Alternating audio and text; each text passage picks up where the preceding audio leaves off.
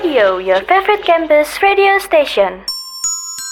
Hai hai hai Sobat Supra, kembali lagi di Obrol. Obrolan bareng alumni kerjasama antara Supra FM dan Sugio Pranoto Student Career Center atau SSCC. Nah, di Obrol kali ini sudah memasuki episode ke-8 nih teman-teman. Wah, nggak kerasa ya. Dan tentunya dengan host yang berbeda. Kalau gitu, kenalin aku Leonila Stefani dari Fakultas Ilmu Komunikasi Angkatan 2021. Di sini kalian bisa panggil aku Stefani. Dan sama seperti episode-episode sebelumnya, di obrol kali ini akan membahas tentang kehidupan setelah perkuliahan nih teman-teman. Nah, di sini aku sudah bersama narasumber kita, Kak Rio Sandika, alumni Fakultas Bahasa dan Seni yang sudah sukses di perusahaan Gojek. Dan sudah banyak banget achievement juga yang diraih sebagai barista di Starbucks Coffee nih teman-teman. Dan juga dari sharing-sharing kali ini diharapkan bisa menjadi motivasi buat kita. Langsung saja, halo Kak Rio. Halo. Gimana nih kabarnya Kak Rio? Puji Tuhan baik. Puji Tuhan. semangat ya Kak Rio semangat, ya. harus semangat. Udah makan belum nih? Udah. Siang nih? Oke. Oke, ini udah siap belum nih kita kulik-kulik lagi tentang kehidupan Kak Rio se- setelah perkuliahan nih? Siap sekali. Oh, siap banget Iya, ya. siap Aman banget. kok Kak pertanyaannya kok. Siap. Oke, kalau gitu, aku kepo nih. Kenapa dulu tuh Kak Rio milih Unika sebagai kampus Kak Rio? Ehm, sebenarnya poin paling besarnya karena teman-teman ya. Jadi kayak Oke. teman-teman di SMA itu banyak yang di Unika. Tapi nggak banyak banget sih, banyak dan kayak kebetulan pas itu juga deket juga dari rumah. Jadinya kak, ya udahlah Unika aja udah udah pasti dan dari kecil pun juga eh, saya bersekolahnya kan juga di yayasan Katolik juga. Jadi yang Oh, kayak iya. udah kayak ya udah menjadi apa step selanjutnya gitu Oh, ya berarti Mm-mm. memang udah banyak relasi yang masuk di Unikanya banyak Kak. banget heeh. Oke, Tapi sebelumnya eh, daftar univ lain gitu nggak Kak? Atau langsung di Unika? Sebelumnya seperti teman-teman yang lain juga yang mungkin Oh, ya iya. daftar di apa SNMPTN ya pasti Iya, ya, ya pasti. SNMPTN pas di negeri itu tapi mungkin jalan Tuhan lebih ke Unika sih Ya emang jodohnya udah di Iya. Memang Unika jodohnya ya ya. Kak. Oke. Kan Unika ini fakultas dan prodinya banyak banget nih Kak. Mm, mm, mm. Kenapa milih fakultas bahasa dan seni? ini pertanyaannya agak ini ya agak susah ya sebenarnya ya. Ya. karena kenapa kalau milih fakultas bahasa dan seni karena pas itu salah satu passion ya salah satu passion itu eh, bahasa Inggris Oke. jadi kayak setelah saya pikir-pikir tuh kayak eh mungkin yang lebih masuk bahasa Inggris sih jadi kayak Hmm. basicnya udah ada terus udah dari kecil kan kita juga udah belajar bahasa Inggris gitu Iya, ya jadi iya, nggak yang betul, kayak betul. kita mikir dari nol kayak gitu jadi kayak lebih memilih yang udah tahu dulu lah kayak gitu Oke, berarti emang Karyo ini Inggrisnya emang unggul ya di bidang Enggak itu juga ya. Oh, tapi lebih suka gitu eh, Heeh. Oke, berarti kayak anak-anak Jaksel ya kayak yang literally Anak gitu ya. Oke. Nah, apakah jurusan dari Fakultas Bahasa dan Seni ini tuh sejalan gak sih sama yang dicita-citakan Karyo? kalau sejalannya mungkin nggak 100% ya tapi ada momen di mana ketika saya ngambil jurusan itu tuh ada poin plusnya gitu Apa jadi mendukung gitu. Jadi kayak misalnya kita komunikasi dengan orang-orang dari luar segala macam ala- apalagi di pekerjaan gitu ya itu kan mendukung banget gitu. Kita presentasi segala macam. Kalau misalnya kita di pekerjaan itu kan kita banyak presentasi gitu. Sedangkan di jurusan saya dulu itu memang kita dilatih untuk sering presentasi gitu. Jadi Oh, iya. ketika one day kita ada di sebuah pekerjaan kita disuruh presentasi eh tidak kaget gitu adalah basicnya seperti itu Oke, berarti Hmm. ada yang diambil dari ada yang diambil dulu waktu kuliah di Fakultas Betul. Bahasa dan Seni ya, Kak? Iya. Oke, kalau gitu nih, aku mau tanya dong, kesibukan Kak Rio selama di perkuliahan itu apa aja sih? ini Mungkin gabung di organisasi Oh, atau iya. UKM? termasuk UKM ya berarti ya Iya, boleh boleh kalau diceritakan. dulu ada beberapa sih ya jadi kayak awal masuk Unika itu seperti biasa ya mungkin teman-teman eh, maba juga merasakan kayak ikut kepanitiaan segala macam. Segala sesuatunya itu dimulai dari kepanitiaan kalau dulu saya. Iya, betul betul. kepanitiaan terus habis itu tahun kedua di Unika itu ada ikut badan eksekutif mahasiswa fakultas. Terus lanjut ke senat mahasiswa fakultas juga. Terus UKM iya. Pas itu UKM beberapa UKM kayak futsal terus kebetulan kalau universitas itu saya juga ikut Gracia Choir Wah. gitu bersama teman-teman juga dulu UKM Eh, unggulan itu ya kak? oh iya sekarang UKM unggulan ya Iya betul. dari dulu sebenarnya Wah, nggak sombong ya kak? nah itu itu dulu eh, Gracia itu yang membawa saya pertama kalinya ke luar negeri ke Oh, iya. Singapura pada saat Wah, itu keren 2016 jadi itu benar-benar pengalaman yang luar biasa ya bersama Gracia ke Singapura pada saat itu terus itu kalau universitas habis itu kalau organisasi di un- di universitas itu dulu ada yang namanya Sugio Pranto Advanced Leadership Training atau biasa disingkat SALT Oh iya iya iya. Nah itu nanti dari SALT itu tergabung dalam yang namanya Group of Leader on Research and Society atau GLORY kayak gitu. Nah itu di lingkup fakultas dan universitas. Oke. Yang keluar- lainnya mungkin tetap kepanitiaan dan UKM ya. Oh, gitu. banyak banget ya kak. Itu Nggak bagi waktunya gimana tuh kak? Itu bagi waktunya eh susah-susah gampang ya. Sebenarnya agak keteteran juga pas itu ya. Nah. Jadi kayak ya kita ngelihat dari jam perkuliahan juga pas itu. Perkuliahan misalnya pagi, apa sore, eh apa siang gitu ya. Nah itu nanti jam istirahat kita harus ngerjain apa yang urgent gitu. Pokoknya pada saat itu tuh diprioritasan yang mana dulu yang lebih urgent sih kayak gitu. Jadi Oh, jangan bertele-tele tapi eh, kita lihat yang urgent urgensinya lebih tinggi dulu gitu. Oke, berarti memang dari situ Kari, Karyo mungkin bisa berlatih buat time managementnya juga Betul ya kak. sekali. Oke. Heeh. Sering pulang malam berarti ya kak? Oh, Kalau Gracia gitu-gitu ya. Oke. Wow, keren banget nih Karyo. Iya. Kalau eh, kegiatan di luar kampus mungkin ada nggak kak? di luar kampus itu dulu ada ini sih olahraga taekwondo ya. Taekwondo Wah. itu dulu sebenarnya udah dari SD. Oke. Dari SD udah ikut taekwondo, terus berlanjut sampai kuliah terakhir pas itu. Berlanjut sampai kuliah dan kebetulan dikasih kesempatan juga dari Unika buat mewakilin Unika di Pekan Olahraga Mahasiswa pada saat itu 2015. Terus habis itu eh ikut teman-teman dari Van de Venter juga kalau pernah denger eh, Oh, beasiswa Van de Oh, Venter. iya, iya, Eh, pernah denger. Itu kita sering kumpul sih dulu di luar kayak gitu. Jadi kayak cuman nggak nggak yang sering seminggu sekali nggak mungkin sebulan dua kali atau apa gitu kita kayak eh, gathering bersama dan Van de Venter itu kan berasal dari univ-univ lain juga kayak UNES segala macem gitu. Hmm, ya betul. Terus kita kumpul di sana, kita bahas sesuatu yang eh, berdampak buat buat apa buat Van de Venter dulu terus nanti kita mengumpulkan apa ide apa buat mungkin Semarang kayak gitu. Itu sih. Oke, berarti Karyo ini relasinya udah banyak banget ya. Ya enggak juga. Dan fun fact-nya Karyo emang olahraganya taekwondo ya. Berarti ini kalau kenal nama Karyo jangan macam-macam nih. ya. Waduh, Takut enggak, nih. enggak, enggak. Saya baik kok. Oke, baik nih sobat Supra nih. Oke.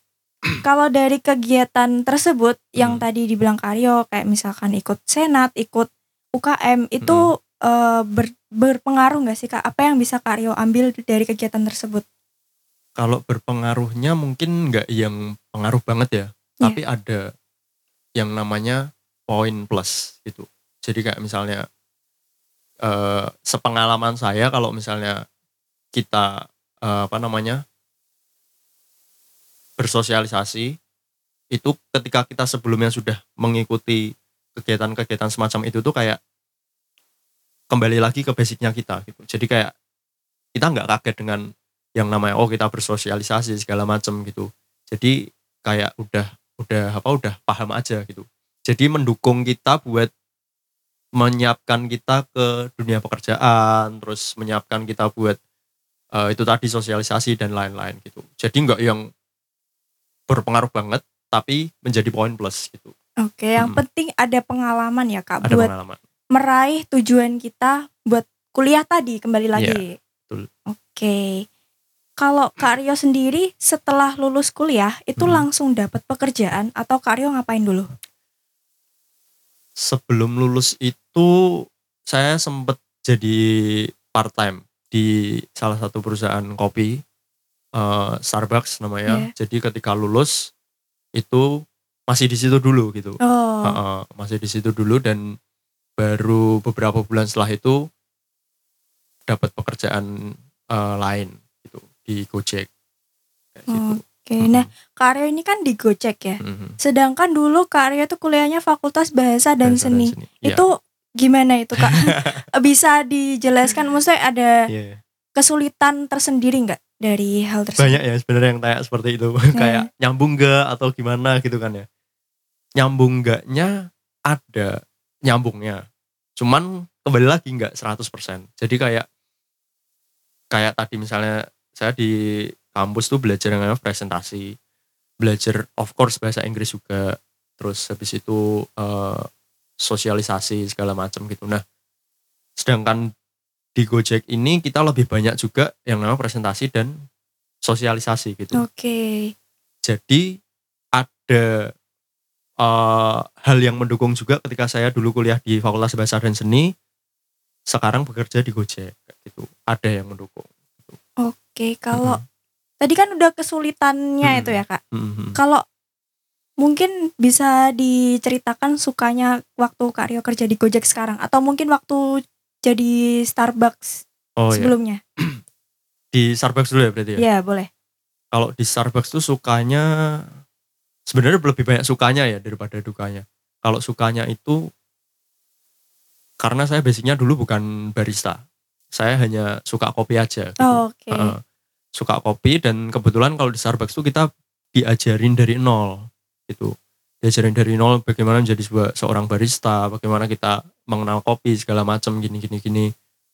Dan salutnya saya adalah sekelas perusahaan, perusahaan sekelas Starbucks ini mau ngajarin dari nol ya gitu loh. Jadi kayak orang yang mungkin memikirkannya bahwa oh perusahaan Starbucks ini kayaknya kok eh, high class atau susah banget nih kalau masuk ke situ gini gini gini. Padahal ketika kita udah masuk situ tuh benar-benar kita diajarin dari nol. Oke. terus habis itu sukanya kita bisa tahu secret recipe Iya betul betul.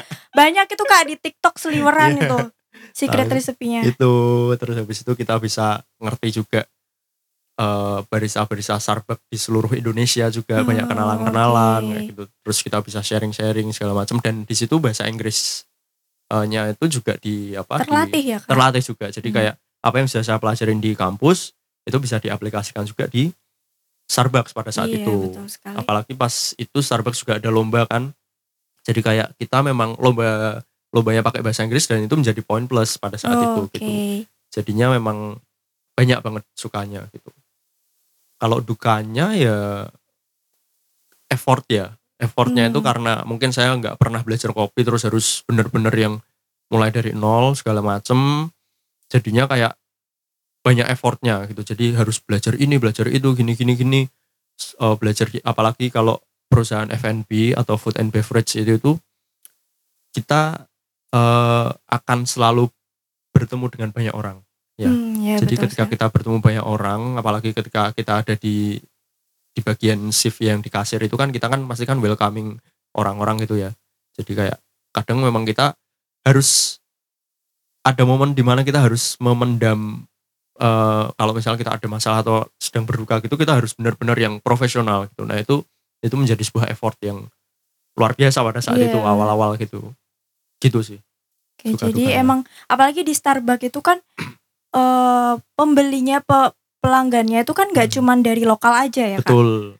Da- Iya. apa- pasti dari mancanegara Dari- juga iya, pasti dari ada. luar, Jadi betul itu bisa sekali. ngelatih bahasa Inggrisnya Karyo juga Betul. atau mungkin sosialisasinya Sosialisasinya, tadi. heeh. Oke, kalau di Gojek sendiri Kak, boleh nih diceritakan suka dan dukanya. kalau di Gojek suka dan dukanya ya kita mulai dari sukanya itu sukanya adalah banyak teman-teman di Gojek itu yang masih muda gitu. jadi eh, kita ini sebenarnya banyak yang sepantaran gitu jadi kayak misalnya teman-teman kampus nih kalian berorganisasi di BEM misalnya di BEM atau di Senat gitu.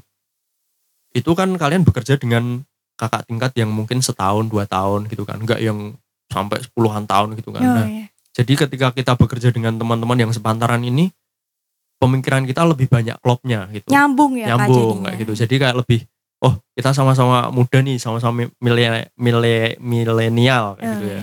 itu jadinya kayak kita udah on track kayak gitu. Tanpa kita harus oh ini kayak gini gini gini kita udah on track gitu sukanya dan kebetulan sukanya lagi itu karena ini jadi poin terbesar sih menurut saya jadi kan Gojek itu kan aplikasi karya anak bangsa gitu Iya betul sekali. Nah, kapan lagi saya bisa berkontribusi kepada iya, negara betul. nah gitu loh. Jadi kayak Hitung-hitung ya kak. ya jadi itu sebenarnya poin sederhana yang saya selalu saya simpan di hati gitu jadi kayak kapan lagi kita berkontribusi buat negara buat buat eh, karya anak bangsa ini sendiri kayak gitu itu sukanya gitu terus kalau dukanya mungkin basicnya saya yang dari apa seorang barista yang bekerja di F&B food and beverage lalu ke eh, perusahaan yang eh, bidangnya 180 derajat berbeda gitu ya. Jadi itu Hmm, cukup effort juga, cukup mengagetkan ya. Jadi yang kayak misalnya eh, kita dulu kalau di barista nggak pernah bermain dengan yang namanya data segala macam gitu. Karena kan kita kan bekerja di apa di bar segala macam dan kita memang tujuan kita itu adalah serve serving Oh, kepada iya, iya. customer gitu ya. Sedangkan kalau di Gojek kan kita juga bermain yang namanya data gitu segala macam dan data ini memang benar-benar menjadi acuan penting gitu. Jadi misalnya ketika kita presentasi nih, kita presentasi A, oh kamu bisa dapat A ini dari mana, datanya mana kayak gitu. Ketika hmm. kamu nggak bisa memberikan data, itu menjadi hal yang eh, tidak bisa dipercaya 100% gitu. Karena kamu nggak punya data gitu. Nah, Iya betul. proses mencari data itu yang yang sebenarnya effort kayak gitu. Jadi sebenarnya dukanya itu cukup kaget aja ketika dari food and beverage company ke eh, teknologi kayak gitu. Gitu sih. Berarti bisa dibilang Karyo itu berani keluar dari zona nyaman ya kak yang awalnya barista, Karyo Iya. suka kopi, Sebenarnya sekarang- lebih sih. eh, tapi tetap dijalani dengan Tetap dijalani. nyaman ya kak ya, Betul. tetap nyaman. Iya. Eh, bisa disimpulkan berarti pekerjaan Kak Rio yang saat ini Hmm. itu sesuai sama passion Kak Rio apa enggak? Kalau sesuai passion akan sangat susah saya bilang sesuai passion ya karena eh passion saya sebenarnya bukan bukan pekerjaan seperti ini gitu tapi ada sesuatu hal yang lebih penting dari passion gitu Hmm. yaitu pengalaman dan resultnya gitu Oke. nah kan banyak nih orang yang mikir bahwa kamu harus bekerja sesuai passion supaya nyaman gitu Oke. supaya kamu menikmati segalanya gini gini gini sedangkan jarang banget passion itu bisa memberikan kita kebutuhan kebutuhan gitu Oh iya. nah ada orang juga yang bilang bahwa eh passion itu ideal. Atau passion itu kadang tidak sesuai dengan kebutuhan kita gitu. Nah jadi kalau tadi pertanyaannya sesuai passion atau enggak sebenarnya enggak juga gitu. Tapi dari pekerjaan ini hasilnya bisa memenuhi passion saya. Nah oh, Oke gitu. baik, menarik Betul. nih. yes.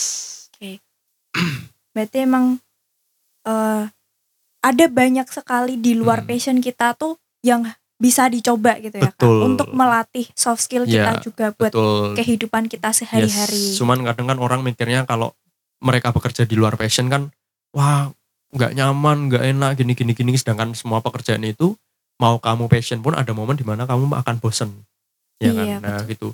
Misalnya kamu suka eh, vi- apa sepak bola segala macam atau sepak bola lah contoh. Sepak bola adalah passionku gitu. Kalau saya mengejar sepak bola sekarang pasti udah terlambat nih kayak gitu kan. Nah harus dipertimbangkan lagi gitu kamu bekerja di perusahaan A untuk memenuhi passionmu, passionmu apa? Sepak bola. Nah, gitu kan. Itu opiniku yang masih ini sih, yang masih apa? Menurutku masuk akal seperti itu.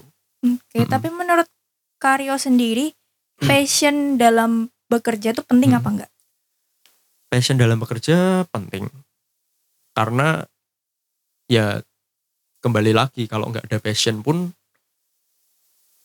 eh, akan susah gitu. Hmm, Jadi passion itu bisa bisa bisa berawal dari sebuah paksaan juga gitu. Ketika kamu menikmati dalam tanda petik ya, ketika kamu menikmati paksaan itu suatu saat kan akan terbiasa nih. Nah itu juga bisa jadi passion kayak gitu. Oke, Hmm. berarti dari mungkin banyak orang tuh kayak belum sadar tentang passionnya dia, tapi Ya, setelah dia jal- menjalani sesuatu dia jadi tahu gitu ya. iya betul.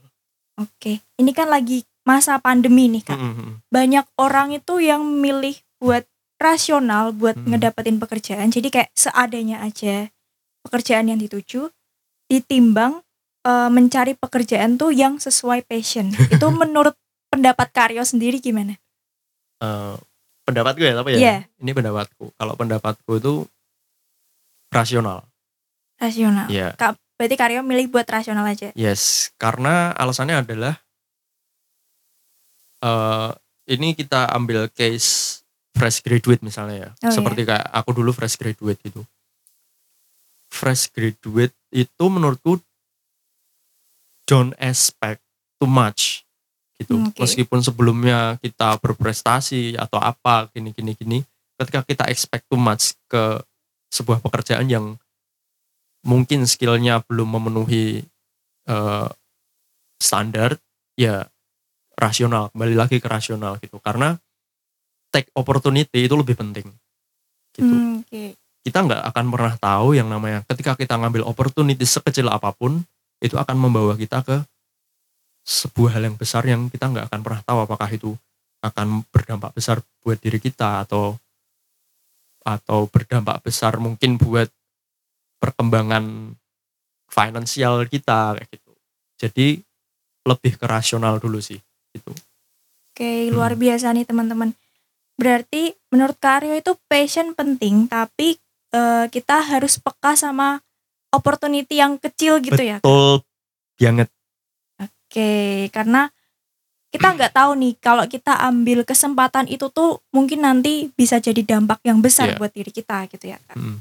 Oke, Kak Rio ini kan eh dulu kan kuliahnya Fakultas Bahasa dan Seni. Iya. Nah, ini di Sobat Supra nih Mm. kan mungkin eh, banyak juga yang kuliah dari Fakultas Bahasa dan Seni. Mm. Bisa dong diceritain eh, mungkin peluang apa saja, peluang pekerjaan apa saja yang bisa kita ambil di masa sekarang ini dari Fakultas Bahasa dan Seni. kalau peluangnya itu sebenarnya banyak ya kalau dari FBS Eh, karena kan kebetulan pas itu saya ambilnya yang jurusan sastra Inggris gitu Oke. ke FBS kan ada tiga sastra Inggris English Entrepreneurship sama Digital Performing Arts nah kalau dari sudut pandang saya yang dari sastra Inggris itu bisa jadi guru bisa jadi tour guide bisa jadi interpreter atau translator gitu ya nah itu yang kalau kita mau benar-benar fokus ke bahasa Inggris atau yang benar-benar murni gitu. Tapi kalau di luar itu asalkan kita punya skill, sebenarnya semua jurusan sama ya, kayak Iya, betul. nggak cuman sastra Inggris saja, eh, semua jurusan tuh sama, asalkan kita punya skill dan kita punya mau belajar di situ gitu. Beda kasusnya kalau misalnya gini, misalnya kita dari sastra Inggris mau jadi dokter nih, nah itu kan kasusnya beda. Kita harus belajar lagi ke kedokteran Iya, atau apa kayak gitu. sekali. Nah kalau sastra Inggris kan banyak banget, benar banyak. Tinggal kita gimana mau belajar sama mengembangkan skill gitu. Jadi kalau dita kalau teman-teman pada tanya ke saya sastra Inggris bisa apa tuh? Gitu. Iya. Kan banyak kan gitu. Bisa banyak gitu. Tergantung kamu mau ngapain gitu. Iya, kalau kita sungguh-sungguh pasti Iya. bisa ya. Heeh, mau kamu mau kerja di kementerian juga bisa, mau kerja di per, yang bagian bangunan juga bisa, mau jadi di perminyakan juga bisa. Nah, tinggal skillnya sama kemauannya kita gitu. Iya, karena apa pun jurusan kita asal Betul. kita mau berusaha dan eh, mau buat ngelatih skill kita itu pasti bisa berguna buat eh, mencapai tujuan kita Mencapai ke depannya. Oke. Wah, tadi tadi kita ngobrol nggak kerasa nih udah mau selesai nih mau Kak. selesai toh? Iya, ini gimana dong? Aduh. Jangan sedih ya, Kak. sedih. Nanti bisa dilanjutin di belakang podcast, Kak. Oh, kalau iya, iya. Oke, kalau gitu sebelum aku menyelesaikan podcast Hmm. ini nih, eh, aku mau denger dong pesan dari Kak Rio buat teman-teman yang masih kuliah nih. Pesan teman-teman buat kuliah ya.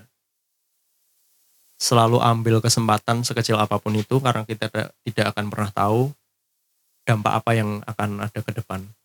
Oke, luar biasa. Jadi just take the opportunity instead. Kayak Itu iklannya dia. Sepatu yang centang itu just do it Wah, kayak gitu. oke.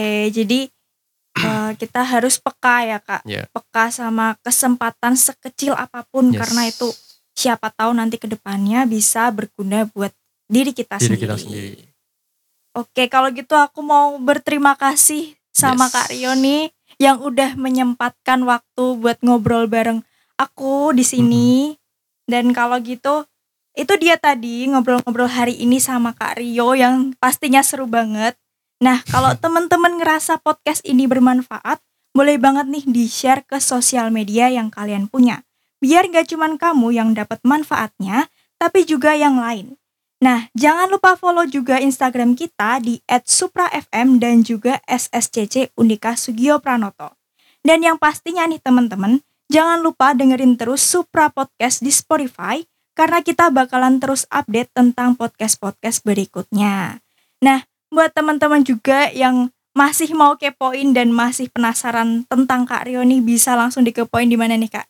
Di Instagram bisa Boleh? Apa Rio? Sandega, R Y O Sandega. Oke, Yes. nanti bisa di DM ya ke Kak Rio ya. Boleh. Kalau mau kepo-kepo ya. Bisa juga di follow ntar siapa tahu di follow back sama Kak Yeah. Rio ya. Oke, nah itu tadi ya teman-teman. Terima kasih banyak buat Kak Rio. Dan juga terima kasih buat Sobat Supra semua yang tetap setia dengerin obrolan aku sama Kak Rio sampai akhir. Nah kalau gitu itu aja ngobrol-ngobrol kita hari ini. Dan terus pantengin episode-episode obral berikutnya. Aku Leonila Stefani bersama Kak Rio Sandega di sini. Kami pamit undur diri. Terima kasih dan Terima sampai kasih. jumpa. Terima kasih Kak Rio. Terima kasih. Terima kasih telah mendengarkan Supra Podcast. Pantau terus konten menarik kami melalui Twitter di @suprafm underscore, Instagram @suprafm, dan kanal YouTube Supra TV. Dengarkan terus podcast kami di Spotify. Terima kasih.